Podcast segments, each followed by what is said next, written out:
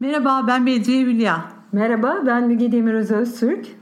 Girişimci Cins Kadınlar Podcast'ına hoş geldiniz. Ay bir dakika bunu beraber söyleyecektik ya.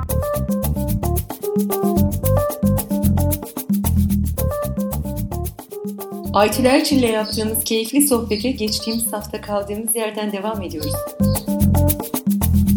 Ortaokulda, lisede böyle değişik anekdotlar var mı? Yani sizin gelişinizi belli eden öncü Ee, yaklaşımlar. Yani haksızlık değil ama farklı e, lisede e, benim için önemli bir dönüm noktasıydı. Aslında e, ben devlet okulunda okudum ortaokulu. E, Bir gün bir hocam bana dedi ki işte Robert Kolej diye bir okul var onun e, başvurusu burada doldur dedi. Gir sınava dedi. Ben de öyle formu doldurdum girdim. Hiç yani bildiğim bir şey değildi ve hani e, ailemin maddi imkanları da yeterli değildi zaten e, Robert Kolej'de okutmaya. E, Robert Kolej'i kazandım. O zaman Türkiye ikincisi olarak kazandım. Ama e, yani burs almasam okuyamayacaktım. İşte burs aldım, e, okudum. Ve o hayatımındaki aslında önemli dönüm noktalarından biridir. Çünkü Robert Kolej'de bize ayakların üzerinde durmayı, doğru bildiğinin arkasından gitmeyi, işte hayallerinin peşinden koşmayı öğrettiler. Söylemeyi, konuşmayı. Ee, konuşmayı, Değil dile mi? getirmeyi, sorgulamayı. Ee, o yüzden onlar gerçekten benim için çok önemli oldu. Ve son sınıfta, lise son sınıfta okula bir bilgisayar geldi. Sene kaç? Sene 75, 1975. Ee, Sen hayatta mıydın Yok çocuğum? bir sene önce. e, ilgimi çekti yani bir makineye bir takım komutlar vereceksin, istediğini yapacak. Çok değişik geldi bana. Ama okulda bilen kimse de yoktu o bilgisayarı. Daha bir öğretmen falan yoktu. Müdüre gittim. Dedim ben bu makineyi öğrenmek ve öğretmek istiyorum dedim. Ve güvendiler. Yani o da önemli bir şey. Hani bizde Çok, birçok devlet çok. okulunda maalesef böyle Bozarsın kapalı- çocuğu. bozarsın çocuğum e, Evet ya. Ve ben önemli bir vaktimi o bilgisayarda geçirdim. E, öğrendim ve ondan sonra bilgisayar kulübü kurup diğer arkadaşlara e, anlattım. O da benim mesleğimi seçmeme neden oldu. Yani ondan sonra hep ömür boyu bilgisayarlarla uğraştık. Ama sonra siz mezun olduğunuzda girecek bilgisayar mühendisliği bölümü yok değil mi Yoktu Türkiye'de? doğru. Türkiye'de o zaman ben Boğaziçi Üniversitesi'ne e, girdim. Bilgisayar mühendisliği yoktu. E, işte en yakın elektrik mühendisliğini okudum. E, sonra bir matematiği de çok seviyordum. Matematikle çift ana dal yaptım. Tabii sonra iyice kafa karıştı. E, hani master doktor yapacağım ama nerede yapayım? Matematik mi, bilgisayar mı, elektrik mi? İşte bunların hepsinin bir karışımı olan uygulamalı matematik bölümünü seçtim Brown'da. Nasıl seçtin onu? O da gene bir tesadüf. Ee, o zaman hocamız e, Atilla e, Ay soyadını unuttum. Bir an olur. Ee, Atilla Bey çok sevdiğim bir hocamdı. Ee, o bana tavsiye etti. Brown Üniversitesi'ne dedi. O zaman tabii internet yok. Böyle e, hani nereye gideceğini, nasıl gideceğini e, bilmek mümkün değil. Ee, Atilla hocam e, dedi Brown Applied Math çok iyi bir bölümdür dedi. Onun o tavsiyesiyle orayı seçtim. Ya siz oturma odasından mutfağa girdim gibi anlatıyorsunuz bu yaşadıklarınızla. Çok mu zekisiniz siz? Nasıl oluyor bunlar? Ee, Yok yani aslında hepsinin bir karışımı. Yani e, zeka tabii önemli, çalışmak önemli.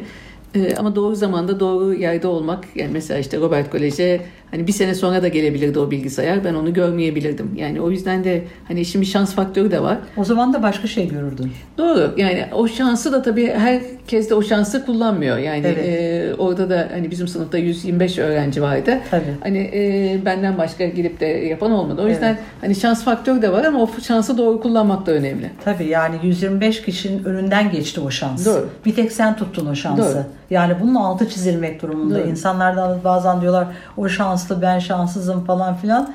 Buna pek o kadar da e, şey e, önem vermiyorum aslında Doğru. bu cümleye. Çünkü işte senin tam da söylediğin gibi orada 125 kişiydiniz. Niye sen gittin de diğerleri gitmedi bunu merak etmedi. Bununla ilgili bir şey yapmak istemedi. Niye gittin sahiden?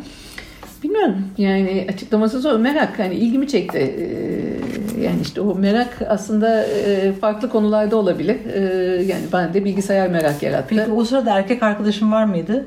O sırada yoktu. Ben e, lisede tabii herkesten küçük olduğum için Aha. e, yani 16 yaşında mezun oldum. Ha. Hani e, üniversitede başladı ve e, garip gelirdi bana niye insanlar e, böyle şeyler düşünüyorlar diye. Yani siz hormonlarınızın e, etkisinde kalmadığınız Evet. bir böyle radar dönüyor. Radar altı dönem olmuş değil mi? Yani, işte çünkü küçük olmanın avantajı açardı. diyeyim yani. Yani bütün sınıf arkadaşlarımdan küçüktüm. O yüzden de e, hani e, o konuda onlardan gerideydim diyeyim. Evet tabii birileriyle fingirliyor olsaydın o sırada acaba ilgin çeker Belki, miydi? belki Kim bilir bilmiyoruz tabii. Ama büyük ihtimalle çekerdi. Herhalde. Herhalde. Bu T-shaped insana çok vurgu yapıyorsunuz hocam. Ee, siz öyle miydiniz? İnsanlar nasıl olmalı? T-shaped insan nedir? Ee, yani T-shape kelimesini ben hani birkaç sene önce duydum ama hani gerçekten T-shape e, çok benim kafama yatan bir e, konsept oldu. E, yani T'nin üst tarafı birçok konuda e, bir şeyler bileceksin, bir konuda derinleşeceksin. E, mesela biz aslında T-shape yetiştirilmiyoruz. Yani üniversitede hep tek e, düzey insan e, yetiştiriliyoruz.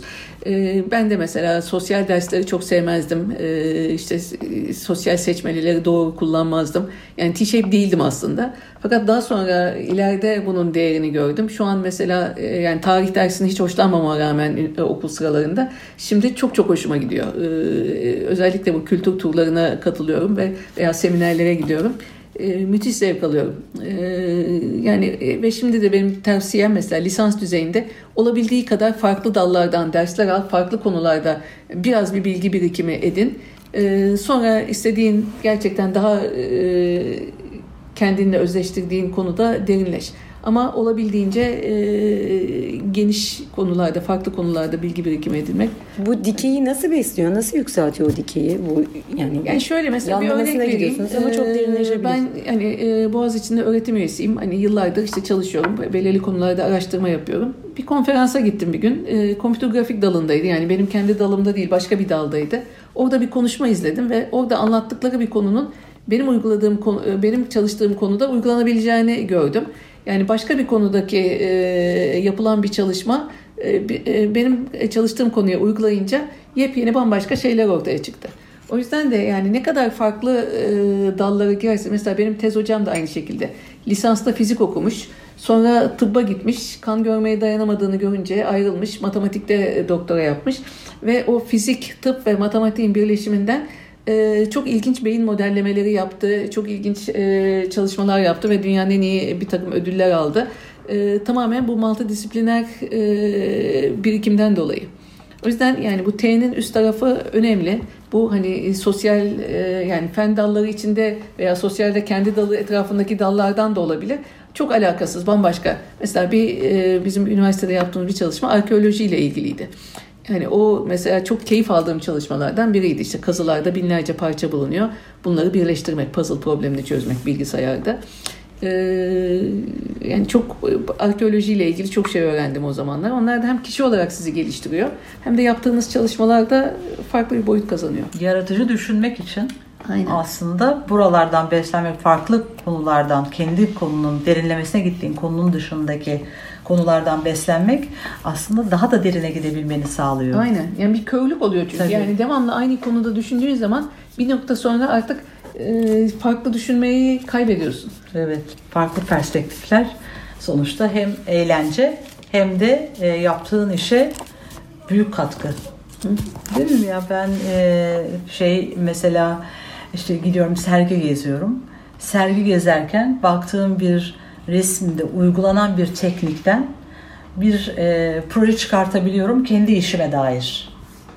Yani beynin hep aynı bölgesini çalıştırmanın pek bir anlamı yok aslında değil mi? Beyin bütün bölgelerde çalışınca sonuçta o en çok çalıştırmaya çalıştığınız bölüm daha iyi çalışıyor aslında. E tabii hepsi evet. birbiriyle bağlantılı sonuçta. Evet.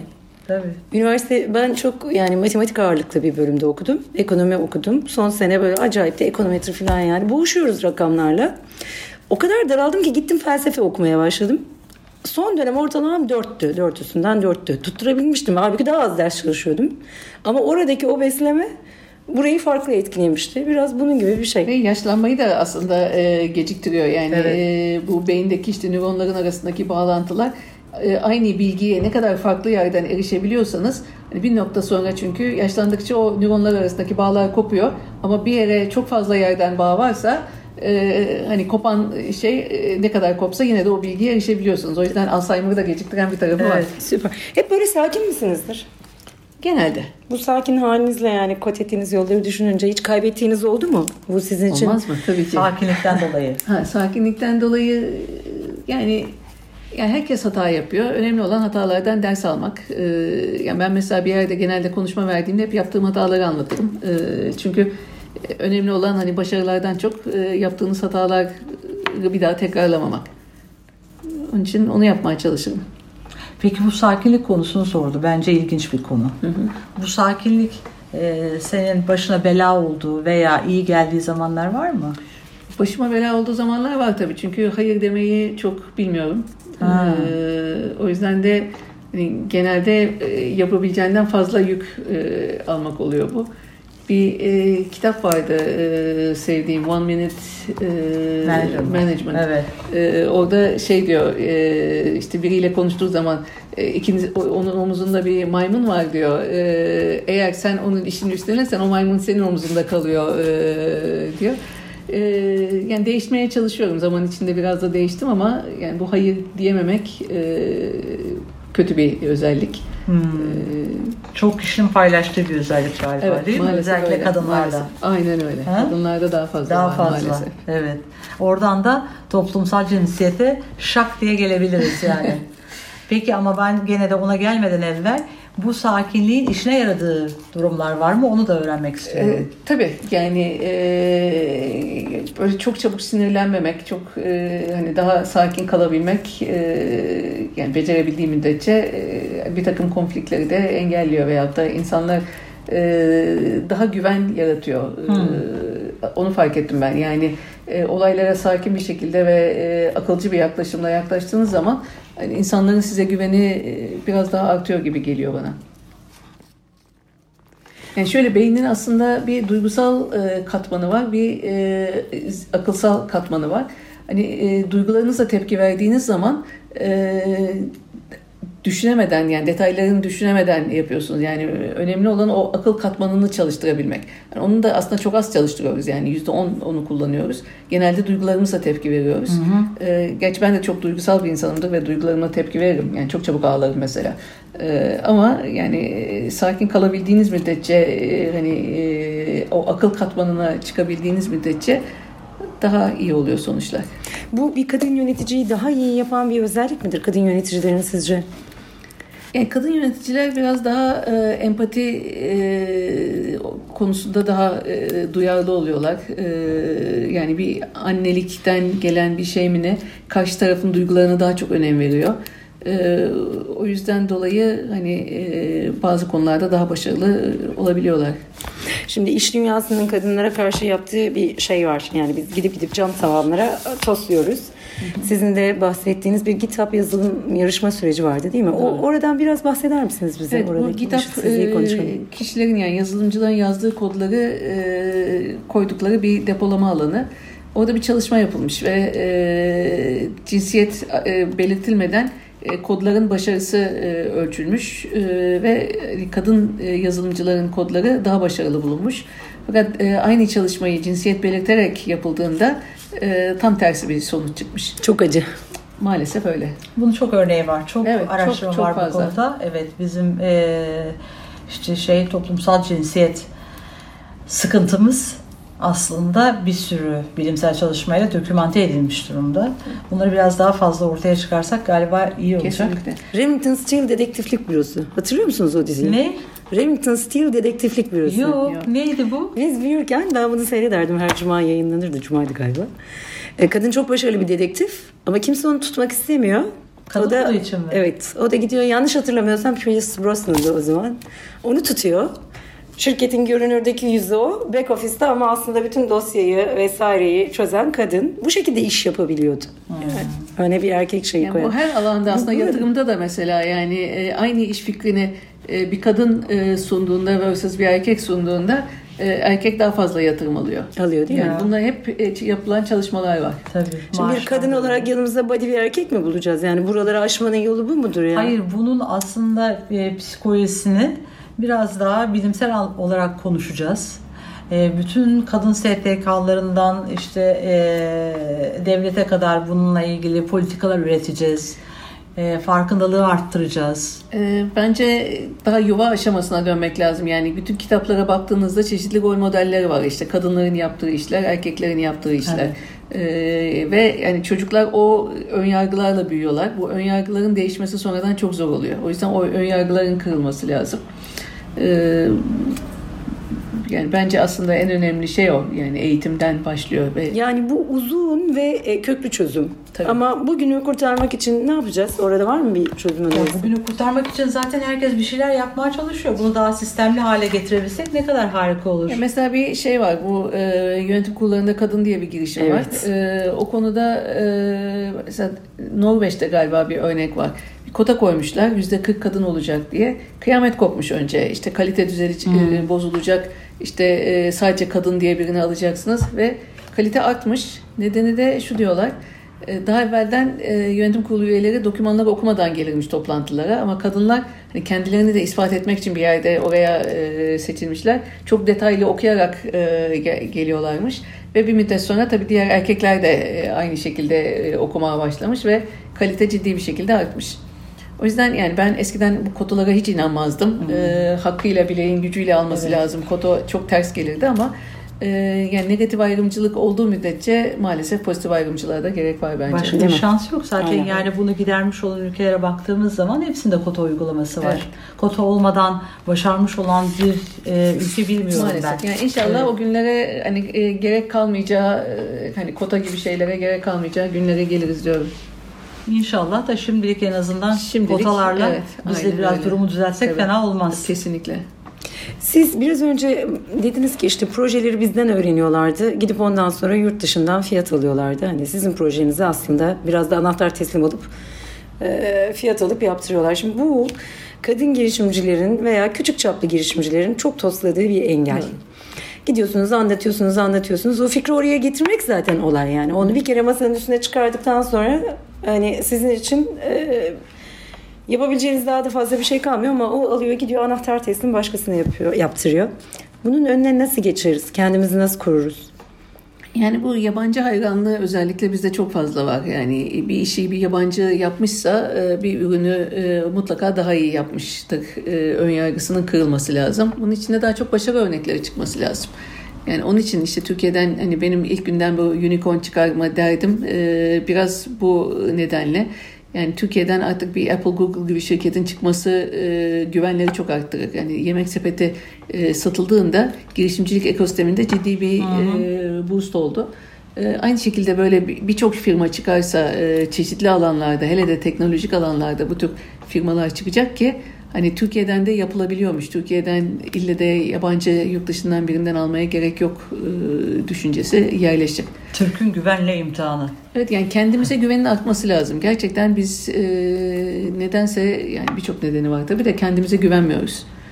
Nasıl buluyorsunuz siz üniversiteden mezun olan çocukları, buradaki çalışanların niteliklerini?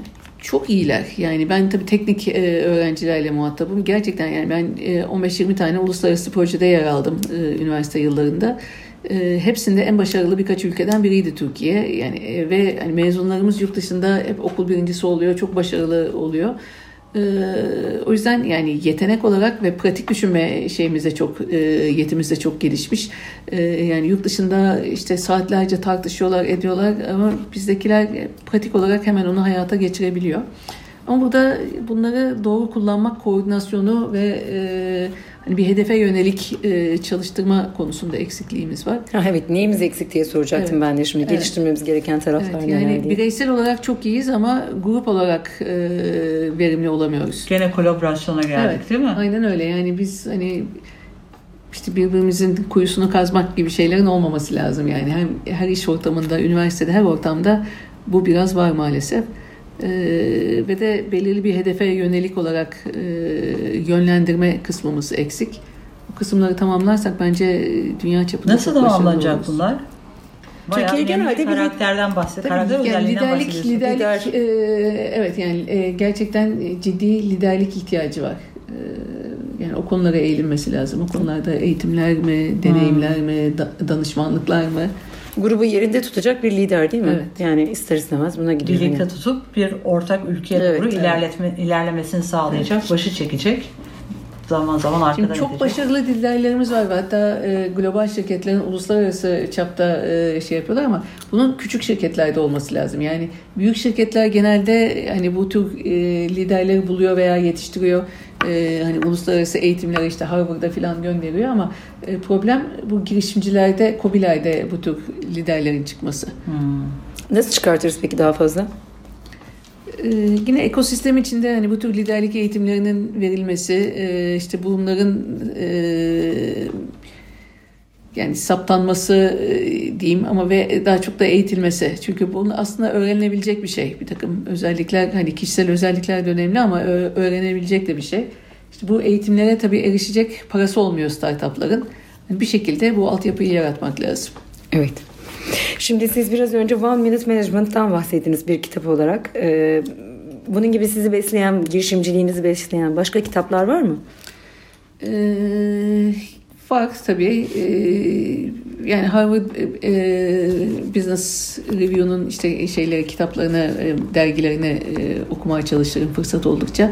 Hatta onların bir şeyi var. Her gün e, bir paragraf gönderiyor e, internette. Yani belirli bir konuda bir özet veriyor. İlgilenirseniz detay makaleye girip okuyabiliyorsunuz. O e, hoşuma giden bir şey. Onun dışında e, Ziya Boyacıgiller vardı benim hmm. e, mentorum evet. diyeyim. Çok çok ben sevdiğim, çok değerli. Evet. evet. E, onun önerdiği bazı kitaplar vardı. E, e, Crossing the Chasm e, bir tanesiydi. E, What Customers Want diye bir kitap vardı o bir tanesiydi. Yani böyle çok kitap var ama şimdi evet. hepsi Bana da bakıp Flow'u oku demişti bana. Hı hı. Ben hakikaten evet. okumuştum. Ondan sonra o benim bayağı bakışımı değiştirmişti. Outliers diye bir kitap evet. vardı. Onu da yine sevmiştim. Takip ettiğiniz isimler var mı? Sizin influencerlarınız kimler? Ee, yani çok hani dergilerde falan öyle devamlı sürekli takip ettiğim kimse yok aslında. Bir influencer olarak Ziya'yı bahsedebileceğim. Ee, o gerçekten çok beni etkileyen ve e, yani girişimcilikte rol modelim olan kişiydi. Sakin güçlü değil mi? Çok aynen öyle. Evet. Yani e, hiçbir zaman e, bana şunu şöyle yap böyle yap demezdi. Ama sorularla hmm. yönlendirirdi. Yani soru sorardı, doğru soruları sorardı ve cevapları hep kendimin bulmasını e, sağlardı. E, o yüzden çok değerli bir kişiydi. Mentorlar çok kıymetli oluyor evet kesinlikle. Evet. Ee, peki şeyi hiç konuşmadık. Siz şimdi ben biliyorum ki önceki tanışma sohbetimizden doktor için Amerika'ya gittiğinizde anne oldunuz. Şimdi bir kadın için zaten anne olma aşaması öyle bir noktaya geliyor ki yani ya çocuğunuza bakacaksınız ya işlere bakacaksınız. Hani böyle bir karar anı. Kimisi işlerinden, kurumsal işlerinden kopuyor. Ama oradan girişimci olarak tekrardan doğuyor. Şimdi siz e, doktor yapıyorsunuz, yabancı bir ülkedesiniz. Oldukça da zor bir alanda çalışıyorsunuz ve anne oldunuz. Nasıl başa çıktınız bununla? Ee, o zamanki iş yerimdeki patronum bana şey demişti. It's all downhill from now dedi. Yani o sene e, doktorayı aldım, evlendim, hamile kaldım, yeni bir işe girdim. E, hepsi bir sene içinde oldu. Maşallah. E, yani belki de hepsi bir arada olduğu için e, kolay oldu diyeyim. E, ama 6 ay annem geldi. E, o tabii çok büyük fark yarattı. Yani 6 ay boyunca hani ilk e, tecrübesizlik dönemini e, onun sayesinde atlattım diyeyim. Ee, çünkü o zaman aslında çok fazla iznimiz de yoktu. Yani 6 hafta doğum izniydi. Sezaryen'de 8 hafta, normal doğumda 6 hafta. Çok az. Ee, yani benim ilk kızım sezaryandı, ikincisi normalde. Ee, 8 hafta sonra e, işe gittim. Ee, zor bir süreçti. Çünkü 6 ay boyunca işte e, süt veriyordum iş yerinde. O zaman şimdiki gibi makineler falan da yok yani o iş e, hani zordu. E, işte iş yerinde süt çekiyorsunuz. E, eve gelirken bozmayayım diye pencereler açık soğukta gidiyorsunuz vesaire. Zor bir süreçti ama e, yani isteyince her şey oluyor. Yani o da geçti. O sizin yani yeterince ilgilenemedim diye suçluluk hissettiğin oldu mu hiç? Hissetmedim. Yani Çok gerçekten iyi. harikulade. Evet yani tabii ki hissettiğiniz zamanlar oluyor. Tabii ki e, yani mesela seyahate gideceksiniz. E, yani biraz daha büyüyünce kızım kapıyı tutuyordu gidemezsin e, diye ağlıyor. Tabii ki o zamanlar zorlanıyorsunuz şey yapıyorsunuz ama yani her zaman e, bunun onlar için e, da iyi bir şey olduğunu e, ve hani kendim yani çalışmadan yapabileceğimi zaten hiç düşünmedim. Yani çalışılmadan evde oturan bir hayat bana göre değildi. O yüzden o bir zaman hiçbir zaman alternatif değildi benim için. Onun için de yani çok öyle bir onu düşünerekten kendimi zorlamadım. Şimdi en sevdiğiniz Pardon, kitaplar... Bir şey söyleyeceğim Tabii, burada. Çok pardon. Yok önemli değil. Ya burada yaptığın önemli ve altına çizilmesi gerektiğini düşünüyorum. İnsanlar yani kadınlar e, çocuk sahibi oldukları zaman bu işte ve çalıştıkları zaman bu suçluluk duygusuyla işte onun istediğini yapamadığı zaman birlikte olamadığı zaman kendi kendine yıpratıyor. Oysa ki kadın e, orada çocuğuna hele de kız çocuğuysa örnek olduğunun farkında olsa aslında o suçluluğa ihtiyaç olmadığını da görecek. Yani şu an aslında geri dönüp bakıyorum. Yani iki kızım da gerçekten kendi ayakları üzerinde durabilen, kendi hayatlarında e, istedikleri şeyleri yapabilen ve onun peşinde koşan, işte aynı benim gibi haksızlıklara tahammül etmeyip haksızlıklara karşı mücadele eden bireyler oldu. E, o yüzden yani şu an geri dönüp bak- bakınca e, hani yaptığım seçimden memnunum. Evet. İSOS'un bir araştırması var. Aha. %46 oranında kadınlar e, ayrılıyorlar anne olduktan sonra. Neyden ayrılıyorlar? İşlerinden Ha, ayrılıyorlar. evet. %60'ı da eşinden ayrıldığına pişman oluyor. Aha. Çünkü o bir şeyler Evet, başarmaya tabii. alışmış olan kadın bir zaman sonra evde çocuk bakımı o toz almaya da geçiyor. Hani böyle çok e, niteliksiz işlerin içerisinde buluyorsunuz kendinizi ve müthiş bir mutsuzluk sarmalı başlıyor. Eşle ilişkiler yıpranmaya başlıyor. Yani burada sadece daha insani bir yönetim süreci lazım. Yani çocuğun annesine ihtiyacının olduğu, annenin de o küçük çocuğa bakım vermeye ihtiyacının olduğu bir dönem var. O dönemi sağlıklı bir şekilde yürüyüp Sonrasında herkesin yine kendi yoluna gitmesi en güzeli. Yani e, nasıl uçaklarda e, önce kendi e, Aha. şeyinizi oksijen tüpünüzü bağlayın sonra çocuğunuzun derler. Çünkü kendinize bakmadığınız zaman ona da bir faydanız olmaz. Burada da aslında aynı şey yani kendiniz e, akıl sağlığınız yerinde değilse o çocuğa da sağlıklı bir şey veremiyorsunuz. Evet. Şimdi sizin tek sevdiğiniz kitaplar bunlar değil. Buradan çıkınca bir pasaja gideceğiz. Ne arayacağız? Texas Comics hocam. Süper. Çok öğrendim. Ee, geçen hafta öğrendim. Burada bir civarda öyle bir kitapçı varmış. Tabii. Eski kitaplar var diye. Ee, Sever miydiniz Texas Çok Comics'i? severdim. Ee, Tabancayla Texas, oynayan çocuklardan. Tom Mix, Tom Brax. e, Tabii. Şimdi Zagor. Zagor Tenay. Zagor'u çok okumazdım. Ee, ama Texas Tom Mix, Tom Brax okudum. Neydi o kitaplarda o karakterleri size çok sevdiren şey? Belli ki rol model o olmuş. zaman o zamanlar hani düşünmezdik bunları. Sadece Evet. okumaktan keyif aldığım için e, şey yapardım. Hatta şimdi bazen bazıları hani çok e, milliyetçi veyahut da çok e, hani şey geliyor e, hani şu anki değerlerime uymuyor belki ama yine de keyifli okuyorum. Ama ben hukukla ilgili şeyleri, mahkeme ile ilgili kitaplar okumayı çok severim. Hala Ee, mı? Hala. Ee, yani mesela John Grisham'ın okumadığım kitabı yoktur. Ee, yani filmlerde de hani e, zaten matematikle e, hukuk Evet. çok e, e, şeydi. Yani benim Brown'da üç kişi biri doktorayı bitirdikten sonra hukuk oku- okudu, biri master'dan sonra, biri doçent olduktan sonra e, Allah bırakıp Allah. hukuk okudu. Yani matematikle çok ilişkili benim de çok keyif aldığım bir şey. Bizim göremediğimiz nasıl bir ilişki var orada? Biri çok sözel bir dünya, biri çok sayısal bir dünya Ee, ama aslında ama. hukukta delil bulmanız lazım ve o delillerden çıkarım yapmanız lazım. Yani matematikte de bir takım hipotezler e, sunarsınız ve o hipotezleri ispat edersiniz. Yani hukukta da aynı şey. Bir takım hipotezler e, yapıyorsunuz, ona delil buluyorsunuz ve onu ispat ediyorsunuz. Aslında o açıdan çok paralel. Peki. Şimdi sonuna geliyoruz galiba. Geliyoruz. Ben kadarıyla. şimdi bir kız çocuk annesi olarak kız çocukların da matematikle arası biraz e, açık oluyor. Yani böyle bir şey oluyor. Ben Meryem Mızrahani'yi ona örnek göstermiştim. Fields Matematik e, madalyasını alan.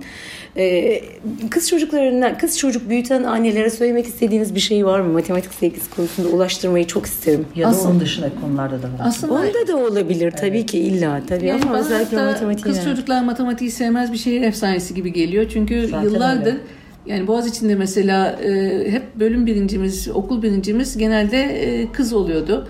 E, yani fen derslerinde gayet başarılıydılar. Detaya dikkat ediyor çünkü, detaya değil mi? dikkat ediyorlar. Problem az sayıda olduğu için aslında e, yani yani olasılığa olarak baktığınızda e, erkek sayısı daha fazla olduğu için o konularda daha fazla erkek e, görüyoruz etrafımızda. O yüzden yani bence beyin yapısı olarak aslında kızların e, matematiği sevmeme diye bir şeyi olduğunu ben gerçekten düşünmüyorum. Onun bir şehir efsanesi düş- olduğunu düşünüyorum. Tamamen ön yargılardan dolayı beyin o şekilde şartlandırıldığı için yani sevmiyorum e, ma gidiyor. Şöyle bir araştırma varmış. Ee, Eğer anne matematikten başarısız olduğunu söylüyorsa kız çocuk kesin başarısız oluyor. Buyurun. Anne eğer matematiği sevdiğini söylüyorsa %50 oranında o başarısızlık oranı bile iyileşiyor. Süper. Ne kadar şey Tutum. bir şey. Ebeveynlik Aynen tutumu öyle. çocuğunuzu aslında şekillendiren bir şey. Kesinlikle. Siz bir şey söyleyecektiniz. Ben şunu söyleyeceğim, bitirmeden evvel şunu soracağım. Ee, şimdi şu an geldiğin noktada geriye baktığında ya şunu şöyle yapmasaydım keşke dediğin ne var? Ee, ya ben genel aslında Ziya'nın bana söylediği şeylerden bir tanesi de hiç hayatta keşke demeyeceksin ee, dedi. Yani olan olmuş, önemli olan Tabii. oradan ne ders aldın. Aha, tabii. ee, ben de şeklinde. zaten onu soruyorum. Evet. e, yani şu an mesela e, yani ben hep e, işte hep fen okudum. E, hani biraz daha sosyal e, şeyleri okumak veyahut da e, mesela e, Almanlar bana geldiğinde e, PNL yolla dedi. PNL nedir diye Google'dan baktım. Yani hiç ben Aha. hayatımda ne muhasebe almışım ne işletme e, iş idaresi vesaire o tür şeylere e, almamışım. O konularda biraz daha e, bilgili olmak isterdim. Ee, ama onun dışında aslında gerçekten çok fazla keşke dediğim şey olmadı. Tamam. Peki iyi ki şunu şöyle yapmış dediğim ne var? Yani aslında şöyle diyeyim, e, yani ben genelde aslında e, yaptığı işten mutluluk e, çıkarmayı, yani optimist bir insanım. Zaten girişimcilerin çoğu optimist. Evet. O yüzden de belki çok fazla keşke demiyorum. Çünkü Evet. olayların hani bardağın dolu tarafına bakmayı tercih ediyorum genelde, Evet. boş tarafına bakmak yerine. O zaman da zaten çok fazla keşke demiyorsunuz. Doğru. diyeyim. Doğru yani iyi ki dediğim e, mesela bu Gobert Koleji sınavına hocam bana gir dediği zaman ben o zaman Gobert Koleji'ne gitmek istemiyordum. Ha. Fen Lisesi sınavına girmiştim. Aha. Tutturdum hatta ben Fen Lisesi'ne gideceğim Neden? e, diye. Ne bileyim ben yani o, ben Gobert Koleji'nin ne olduğunu da bilmiyordum. Fen Lisesi'nin de ne olduğunu bilmiyordum ama işte fen hani fenle ilgiliyim falan diye bana daha cazip geldi herhalde. E, iyi ki diyorum. iyi ki e, Robert Kolej'e gitmişim. Ne kadar güzel. Ee, ama o zamanki kafamda olsaydı gitmeyecektim. Ya. Belki de bambaşka bir hayatım olurdu. Belki doğru. Hangisinden Yani hangisi daha Evet. iyi olacak, hangisi daha iyi olmaz bilemiyorsun. Yani beni çok etkileyen bir film mesela Sliding Doors diye bir film evet. vardı.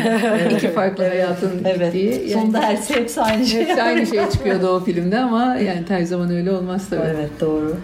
Senin sorun var mı yoksa? Ben harika bir konuşma dinledim. Sormak istediklerimin hepsini sordum. Aytül Hanım'a sabaha kadar sorarım ayrı ama sormak istediklerime tık atmış. Ben sizlere çok teşekkür ederim. Çok keyifli bir sohbetti. Bence de harikuladeydi. Yani ben şimdi burada neler gördüm, neler duydum onları bir özetleyeyim minnacık. Bir kere eee, araştırmaya önem veren aslında akademik eee, kariyerden geliyor olmanın eee, bunu getirdiğini düşünmüyorum ben. Öyle olduğun için belki akademiye de daha yakın oldun. Eee, araştırmaya önem veren bir insan duydum. Eee, öğrenen bir insan duydum. Hatalarını söyleyen bunlardan ders alan bir insan duydum.